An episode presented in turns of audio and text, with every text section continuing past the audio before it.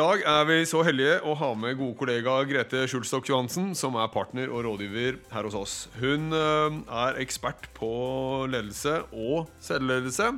Eh, Det er jo kanskje et buzzord for mange, selvledelse. Så vi skal begynne da, Grete. Hvorfor er selvledelse viktig? Selvledelse er viktig fordi vi leder på nye måter nå enn vi gjorde tidligere. Og hvorfor gjør vi det? Jo, fordi tidligere så var vi veldig organisert i forhold til linjer, i forhold til å jobbe effektivt, hvor en leder hadde kommandoen. da, sant, Satt over og kunne fortelle hva vi skulle gjøre hver dag. Og vi stempla oss inn, og vi stemplet ut. Kanskje kjenner ikke mange seg igjen i den beskrivelsen, men, men det er på en måte litt der vi kommer fra. Og så For å ta det litt store bildet, da, så er vi jo eh, Vi har jo gått fra industri til et kunnskapssamfunn. Vi har kunnskapsmedarbeidere. Vi trenger at folk får brutt kompetansen sin. Vi trenger at folk får brutt motivasjonen sin. Og vi trenger de beste folka. Vi trenger folk i arbeid og får brukt alle folka. Og i det bildet da, så kan vi ikke lede på den gamle måten. Fordi når vi ansetter folk som er veldig gode, så vil vi at de skal bruke sin egen kompetanse for å se hvordan kan vi lykkes, eller hvordan kan jeg gjøre min jobb best mulig. Det er den ene siden. Den andre er at eh, medarbeidere som er nærmest jobben, altså de som veit best hvordan jobben skal gjøres. Ledelse i dag handler jo veldig mye om å legge til rette for at folk faktisk får gjort best mulig jobb, og selv kan styre litt hvordan de skal gjøre det. Så, så fra å være type hierarkiske måte å lede på, så har det blitt mye mer distribuert. Et fint ord, men det betyr at ledelse er lagt mye til medarbeiderne selv. Og det kan høres enkelt ut, men det er veldig krevende. Det er mange fordeler og så er det risiko ved det. Og vi går, kommer aldri tilbake, så vi må liksom inn og prøve å forstå litt hva er disse tingene. Men det meste hvorfor det er viktig, det er fordi vi leder på nye måter. Og så traff jo pandemien oss for noen år siden, som gjorde at plutselig så begynte alle å jobbe på nye måter, og nå jobber vi hybrid. Aldri planlagt, men det er blitt sånn. Eh, igjen så betyr det at vi i enda større grad må ta ansvar for hvordan vi organiserer oss rundt vår egen jobb. da. Så jeg tenker Det er også grunnen til at det er blitt så, så viktig. da. Ja, og det, det stiller jo ganske nye krav til ledelse, som du sier, i forhold til alt det som er rundt der. Hvordan er det vi som ledere kan være med å, hva må til for at vi eh, skal skape forutsetningene da, hos den enkelte ansatte, den enkelte medarbeider, for å lykkes i sin ledelse? Én så er det jo å erkjenne at eh, det å lede og det å være selvleder, det er noe man må snakke om. Hva betyr det hos oss? Og, og nå, min opplevelse, da, det er at vi snakker altfor lite om det. Eh, på den ene sida kan du si ja, leder tillitsbasert. Ja, og så lar du folk gjøre som de vil. Det er jo ikke ledelse. Man må jo inn, og så må man snakke med medarbeiderne. Og så må man snakke om hva forventer jeg av deg, hva kan du forvente av meg. Man må i mye større grad eh, ha tydelige forventninger og mye mer tydelige eh, hva skal vi si, forpliktelser. Og der er det altså så mye å gjøre. Uavhengig av bransje, uansett hva man jobber med, så må man ha mer dialog. Eh, og ikke bare én gang, ikke bare når du blir ansatt, men hele veien underveis. da. Det er litt sånn artig å, å få lov til å jobbe med disse tingene ute i, i, ute i virksomheter. fordi jeg eh, ofte så, Når vi snakker om det, så sier jeg hvilket ansvar ligger i ledelse, hvilket ansvar ligger i selvledelse. Og det er det veldig mange som ikke helt eh, vet. Og, og da tror jeg kanskje det kunne være litt ålreit å gå litt inn i oss og snakke om liksom, hva er selvledelse. Ja, gjør det. Veldig bra. For den tradisjonelle definisjonen det er jo litt sånn hva skal jeg si, time management. At man evner å, å organisere seg i, eget, i, sin egen jobb. da. Eh, og det er en veldig viktig del. Men andre, de andre delene av selvledelse det handler jo om den forpliktelsen du har overfor organisasjon. Det som går med på det organisatoriske, hvor du tar din del av ansvaret for å nå mål for å gjøre best mulig jobb da, i samhandling med andre. Så det er mer den organisatoriske sida, hvor du sånn sett har et ansvar, ikke som leder, men sånn, du, du, må lede rundt deg selv og sånn sett bidra inn med, med både forventninger og forpliktelser. Og så er det mer den personlige selvledelsen, som også er utrolig viktig. Hvordan du klarer å ta vare på deg selv rundt jobb. Og den øh, har jeg også lyst til å snakke litt om, for den er veldig at risk, kan vi si i dag, hvor vi jobber såpass selvstendig, da. De aller fleste av oss. Mm. Hvis vi skulle snakke litt om den øh, organisatoriske, eller den selvledelsen som går inn i forhold til hva skal være hver enkelts bidrag inn i en helhet, så tenker jeg punkt én at det handler om en tydelighet i rolle og en tydelighet i ansvar. Det blir ikke tydelig ved at en leder forteller en medarbeider hva han skal gjøre. Det blir heller ikke tydelig hvis ikke medarbeider og leder snakker sammen om hva, hva kan på en måte være forventa i forhold til hver enkelt medarbeider. Så det vi liker å si, er at leder og medarbeider må snakke sammen, og at nøkkelen til å få til noe som fungerer godt, er å skape et trygt handlingsrom rundt medarbeider. Og et handlingsrom er ikke en stillingsbeskrivelse eller en leveranseplan, men det er en innramming av forventninger, av eh, forpliktelser rundt den personen sin jobb. Og det er dynamisk, for det endrer seg og Ting er jo en endring. Og ansvaret for å skape det handlingsrommet det ligger hos lederen. Men ansvaret for at det reguleres da, eh, til enhver tid, det ligger hos leder og medarbeider. Og eksempel, da. Hvis du sier at en, eh, en leder sant, har ansvar for å uh, skaffe kompetanse eller sørge for informasjon, så er det medarbeider eller selvleders ansvar å be om informasjon og be om ressurser og be om kompetanse. Så man må på en måte se at begge parter har et ansvar. Det blir helt nødvendig at man har skal vi si, en løpende dialog på. Så, så det vi tror veldig på, det er jo at man har faste én-én-møter mellom leder og medarbeider hvor dette blir en del av tematikken. Hvordan det ser ut nå. Hvordan har det, har det gått? Hva er viktig framover? Hvilken kompetanse trengs? Hvilken støtte trengs? Hvor er du? Og at det er en sånn åpen dialog som, som er eh, en måte å lede på i dag. Eh, men også en måte for selvleder eller medarbeider å kunne ta del i egen utvikling. Og være involvert i det som stilles av krav og forventninger. Da. Ja, og det er interessant. Og det som du sier der, den derre konkrete kall én-til-én-dialogen på en, en, frekvens som er hyppig nok. Eh, og også finne individuelle det, behovene. For det kan være litt mer hyppig for noen enn for andre. Og, så videre, men, og, dette ikke er en tilfeldig prat heller, men at det ligger med struktur og plan. Eh, og det er i hvert fall noe som eh, vi ser også fra, fra, kundene våre. at Læring fra de beste. Og de har vært tidlig ute med dette i mange år. Eh, tror kanskje jeg lærte av deg også før du begynte her for mange mange år siden. Hvordan forrige arbeidsgiveren din i forhold til ja, hvor systematisk dette var satt. Og det er noe med de forutsetningene som vi som ledelse er med å skape. For da setter vi årsskjul, eller sånn gjør vi det her. Og da må man leve på det. og Da skal det å skape forutsetningene. At det ikke blir opp til en eller annen avdelingsleder å finne på at sånn som jeg gjør det. Men det er satt sånn gjør vi det. Det gir jo mye mer kraft, ser vi, hos de som virkelig har lykkes med dette. Den andre delen som du var inne på, mer den eh, kall det nære. Fordi i selvledelse så krever jo det noe av ledere også. Eh, altså sin egen, sin egen, ledelse av seg selv da, for å kunne være en god leder rundt, rundt sitt team og sine ansatte. Hva, hva, tenker du er det viktigste, eller ser vi er det viktigste i si, det som er for en egen selvledelse som leder? Jeg tenker Det er jo for så vidt det samme for både ledere og medarbeidere. Men jeg tror for ledere kreves det jo enda mer at man er bevisst sin egen selvledelse. Av to grunner. Det ene er at Eh, mange ledere lever et veldig krevende krysspress. Du skal både levere, og du har lite tid, og du skal eh, følge opp eh, medarbeidere. og altså det, Hverdagen er stinn. Og veldig mange ledere er også veldig gode til å ta på seg mye, for det er grunnen til at man har blitt leder, at man er engasjert og fremoverlent. Så det er den ene sida. Den andre er at jeg leder i sin rolle skal være god til å hjelpe medarbeidere utøve selvledelse. Og da må lederne selv også ha et bevisst forhold til sin egen selvledelse. Eh, og det hvis jeg skal si litt sånn nå, Det som jeg synes er faren rundt selvledelse, og som er en fare for ledere òg, det er at veldig ofte så skapes det fryktelig mye stress. Eh, fordi eh, man Vi er jo ofte våre egne verste kritikere. Da. Vi forventer mye av oss selv. Og så opplever man, føler, syns at jeg bør levere mer enn det som kanskje kunne vært forventet. Og så har man ikke den som man hadde i gamle dager, at man gikk fra jobben, og så var jobben over. Den er der hele tiden. Og det er jo en fare, fordi det kan bli eh, eh, ja, stress. Det kan bli utbrenthet. Altså man, man, man, det er jo grenseløst ikke sant, jobb i dag. Man kan sitte og svare på mail hele døgnet. Man kan bli forstyrra på kvelden. Man føler at man må svare på kvelden, etc. Et Så det, det, er mange sånne farer som, som gjør at man må være veldig obs i forhold til selvledelse. Og jeg tror da, hvis jeg får bare reflektere litt rundt det, at for ledere det at de har en Ikke bare et sånn forhold til selvledelse, men at de har et grunnsyn på ledelse som handler også om hvilket syn har jeg på medarbeidere, hvordan ser jeg medarbeiderne som mennesker. Så det ligger liksom noe sånn rundt det som gjør at man, eh, man må gjøre sånne refleksjoner da, i forhold til de folka du har. Mange mange sitter jo i dag og ser jo ikke de medarbeiderne de har.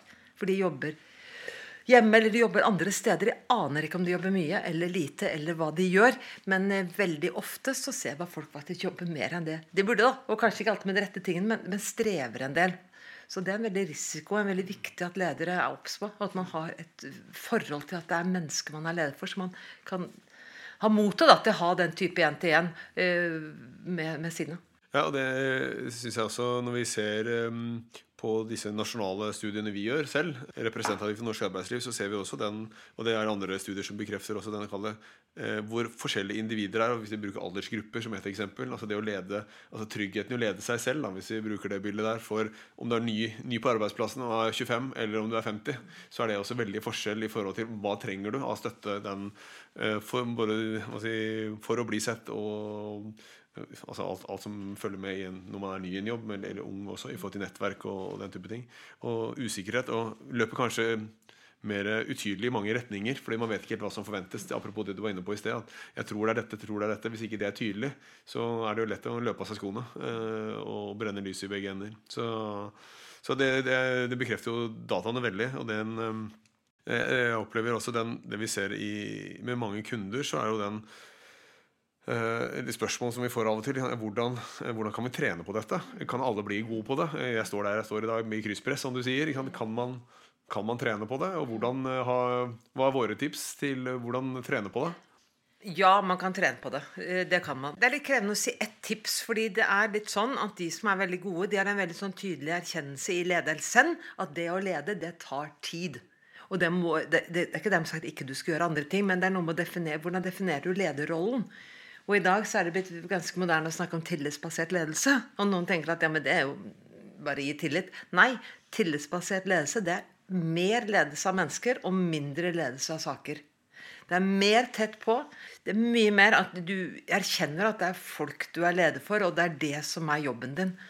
Sånn at det er både et uh, type felles uh, forståelse av lederrollen da, i en virksomhet, og så er det lede selv.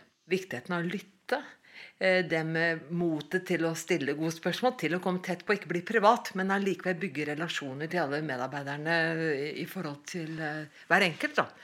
Jeg tror ikke det krever sånn vanvittig mye, men det, det, handler litt om sånn nysgjerrighet på mennesker. og liksom Ønske å se andre vokse og utvikle seg og forstå seg selv mer som en støtte. Eh, og så har jeg lyst til å si også det. Det betyr også at det hender at ting ikke, ting ikke går så bra som man ønsker. Da skal du ha motet til å ta opp det uh, å være så tett på at du ikke går og venter med at du tar det underveis. Så det å ha åpne dialoger, gi tilbakemeldinger, få tilbakemeldinger, altså bygge tillit, da, det er det grunnleggende i god ledelse i hverdagen. I hvert fall tenker å reflektere på, på, på, eget lederskap også. den der, som du sier, Motet i også når du delegerer. Eh, for du tenker ja, men jeg gjør raskere selv eller bedre selv. Eh, men det er jo ikke bærekraftig. Eh, apropos det å brenne, brenne seg selv, hvis det er det. Så, og også bygge, altså ha troen på det enkelte individet i forhold til Jeg ser at du, du er på vei dit. Jeg ville gjort det på en annen måte, men du kommer til å på en, lande på et bra sted, du også. Og, og til bedre på sikt etter hvert som du har fått trent. Jeg tror det går mye på mot. Og når jeg tenker meg så er det jo en del usikkerhet, utrygghet blant ledere. Men det, det er motet til å andre slippe til. Tålmodigheten og motet til å se at folk gjør det på andre måter. Uh, tålmodighet med seg sjøl på at uh, det kan ikke gå så fort. Det er ikke jeg. Som du sier, du må liksom steppe litt bak da, og vite når du skal uh, gripe inn, for å si det sånn. Men, eh, men, jeg tenker det går ikke heller over, for vi lever jo i en tid Det er sikkert gamle folk satt før meg, men det er en tid med veldig mye store endringer. Og de som kommer nye inn på arbeidslivet, kan sannsynligvis veldig mye mer enn det vi kan, rent faglig. Så, det, de, så det, vi trenger den kompetansen folk kommer med. Og vi må slippe dem til, og vi må forstå lederrollen vår rundt det. Ja, De er ansatt av en grunn. Eh, når vi snakker om kunne være modig, da, så handler det også om tilbake til de organisatoriske forutsetningene. Mm, mm. Spesielt når vi snakker om flere nivåer av ledere, blant annet. Eh, for det er jo av og til også vi møter den uh, Man har lyst til å måtte utøve dette lederskapet om selvledelse på den måten som vi beskriver her nå. Eh, men så er forutsetningene hva man blir målt på, hva en regiondirektør eller et eller annet måler meg på som leder, eh, som gjør at det er helt umulig.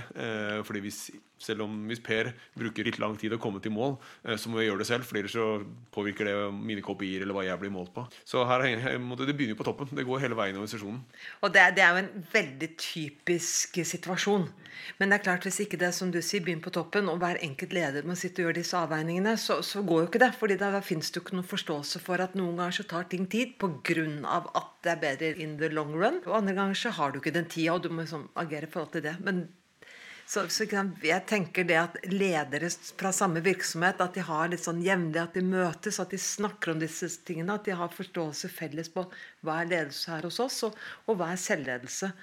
For tilbake til det siste så satt jeg tenkte litt på som det verste du kan gjøre noen, da, som kommer ung, ny, entusiastisk, bør ikke være så ung heller, og si nei, du skjønner, her praktiserer vi selvledelse. Og så sitter alle på hjemmekontor, og så ser du ingen, og så aner du ikke hvordan du skal gjøre tingene. Så det, er, det kreves mer ledelse nå. Mer sånn struktur på tingene for å skape det gode, trygge rommet rundt hver enkelt medarbeider. Da. Ja. Eh, og det ser vi jo fra mange kunder. altså Det kaller årshjul og systematikk. Ja. Da, som ja. du er inne på der, i forhold til, ja, men Da har vi møteplasser om det er regelmessig én mm. til én, som vi har også selv. ikke sant, Hver måned så, så har vi det. Noen syns det høres helt, helt si, veldig dramatisk ut å ha det hver måned i forhold til hva man er vant til. Eh, og så hører man andre i forhold til hva er forventningen til unge i dag. De er vant til å få tilbakemelding med en gang hver dag. Eh, hele tiden. De vil gjerne ha liksom, samtale hver uke. Så apropos tid, som du er inne på i sted, da blir man gjør det på samme måten, men det fire ganger oftere. Mm. Eller ti ganger oftere. Mm. Det går jo ikke. Da må det gå ikke uka opp på noen som helst måte. Og da blir man en dårlig versjon av seg selv som leder også. Eh, så er det igjen på å finne andre, utnytte andre mekanismer eller teknologi eller hva det skal være. ser vi noen eh, lykkes ganske bra med. da noe som jeg kjente også litt på for, for egen del. Du var litt inne på det stedet for til tydelighet, ledelse og selvledelse på hver sin side. Jeg har hatt en, noen runder med deg også internt her for å lære. og den, Noe av det som jeg opplever var veldig verdifullt der, det er liksom den der, at det er ledelse og selvledelse er to sider av samme sak. Mm. Eh, men Altså Hvordan man kan måte, speile ansvar begge veier. Kan ikke du fortelle litt om det? Det er en dansk forfatter, Råsrup Christensen, som har skrevet en veldig interessant bok som heter 'Grenseløse arbeidsliv'.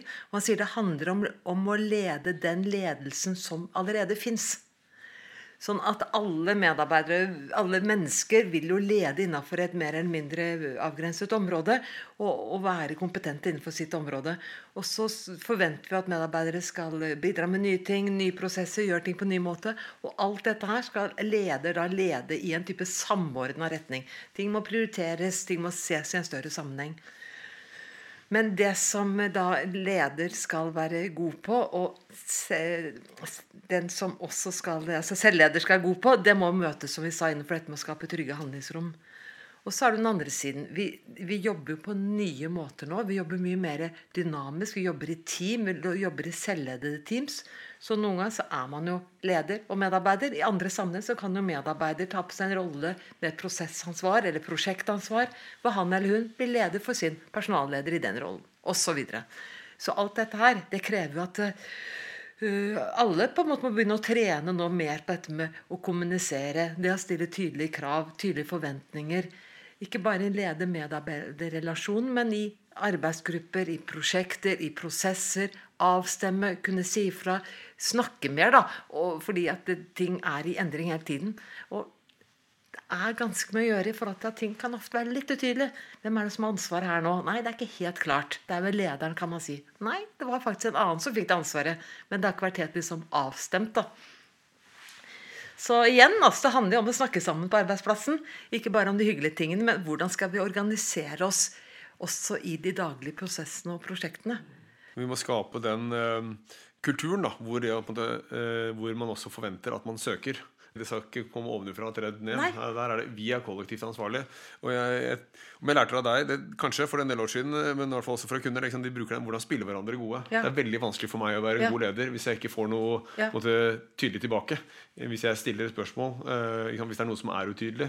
Uh, jeg kan spørre var det tydelig, men da, hvis man svarer ja da, så forventer jeg også at det er tydelig. Altså, den kulturen er ekstremt viktig for å kalle spille hverandre gode. Det er vanskeligere å være en god leder hvis du ikke får den inputen også. Men da må du ha de den tilliten i bånn. Du må ha tilliten i bånn. Jeg synes det er interessant når du sier det. for i idrett, da. Jeg kommer fra lagidrett, og det er jo veldig klart, du, det er veldig tydelig mål, og det er tydelig hva vi skal få til. Og så er det mye som må diskuteres, men det er ganske tydelig da, hvilke roller man har, og hva som er uh, suksess.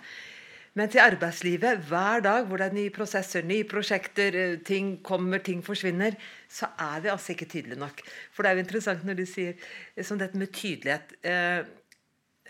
Jeg kan jo si til deg, Jannik, kan du ta ansvar for den prosessen? Ja, gjerne, sier du. Men så stiller jo ikke jeg noe oppfølgingsspørsmål. Eh, hva, hva, betyr det for deg når jeg sier det? Og du, sier kanskje ja, men da skal jeg være ferdig om to uker. Og, ja, ok, Men hvem skal du involvere? Hva tror du skal være resultatet? Så man må ta seg tida til å sitte og gå litt ned i og avstemme da, at vi har forstått det rett. Og at vi er enige hva skal til for å lykkes. Hvem skal gjøre hva. Eh, at vi kanskje også, ikke minst, eh, setter oss ned etterpå og lærer hva som gikk bra og hva som ikke gikk bra, så vi blir bedre neste gang. Jeg tror vi hadde tjent enormt mye på å vært mye bedre til å sitte og ta den type diskusjoner både som kolleger eller lede medarbeidere, eller, eller, i forhold til de rollene vi har. da. Mm. Det blir veldig lett at man tror Vi antar at den andre forstår verden som vi gjør. Mm. Og det gjør vi aldri. Vi kan aldri tro andre er like enn oss selv, for det er vi ikke. Vi er veldig forskjellige. Ja. Og jeg tenker, Det jeg også er eh, interessant å, å høre for den, den, utydelighet, eller tro, da, som uh, man tror kanskje ting er tydelig, og høre litt erfaringene dine når vi jobber med ledergruppe, jobber med utvikling av ledergruppe, lederplattform, leder, liksom, strategi som, som, vi jobber med der, og du leder de prosessene. Er det, det samme tydelighet, utydelighet, samme utfordringer internt i ledergruppene der? Eller opplever du at det kan det forskjell Det er selvfølgelig forskjell mellom leder, internt i ledergrupper, men uh, ja, ja, og nei. For jeg, ikke, jeg, har ikke noe, noe forskning på det. Men, men, jeg tror virkelig det store bildet at vi antar veldig mye at hva andre måtte mene og, tenke. Jeg tror det også har litt å si hvor lenge har man samhandlet, hvor lenge har man sittet sammen rundt et lederbord og snakka om de samme tingene. Men, men kommer vi fra ulike steder, så, så må vi berede grunnen, da. Uh, og ettersom ting er veldig i endring, så, så trenger vi egentlig gjøre det mer enn før. Digitalisering, da. Hva er digitalisering? Er det, å, øh, det som å gjøre ting på helt andre måter? Er det å lære å bruke systemer? Eller hva er det vi egentlig snakker om? Det, var bare et sånt, det er ikke noe lite eksempel, men alt det som kommer også til et lederbord Man må liksom gå inn og forstå hva betyr det egentlig, og hva betyr det for ledelse? Eh, fordi man må også forstå verden ut fra den rollen man er i. En leder kanskje lett forstår ting ut fra at han eller hun er en fagperson, men du skal forstå det i forhold til at du skal lede en prosess som skal føre til noe. Det er noe annet enn å gå inn og være fagperson. Eh, og selvledelse må også forstås. Kan ikke bare si her har vi selvledelse. Hva betyr det egentlig?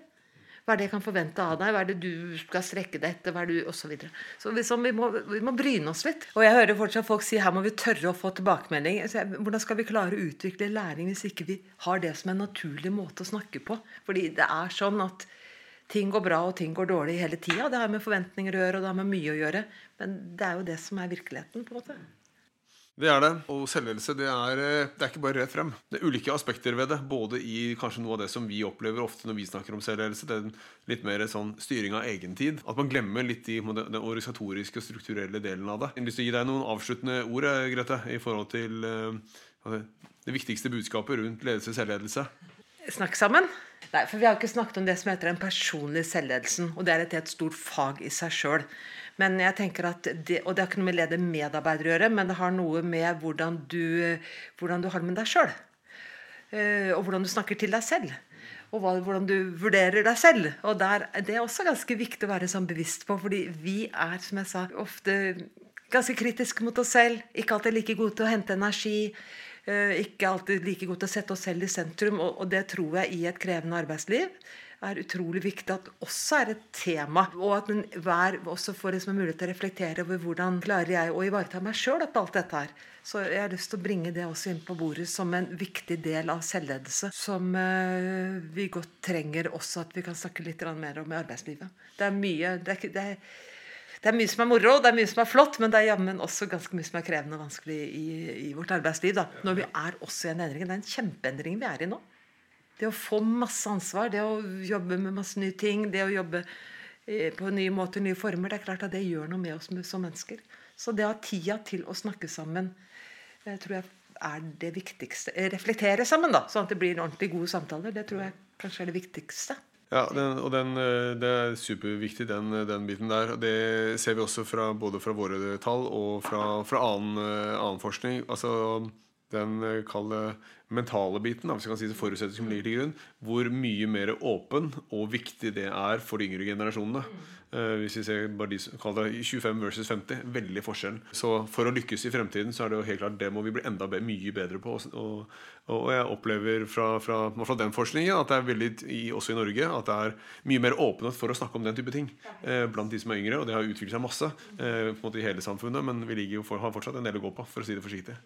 Så Veldig bra, Grete. Tusen takk for en fin prat. Takk i like måte. Takk for at eh, vi får sitte og snakke om dette viktige temaet. Så det setter jeg stor pris på, Jannik. Bra.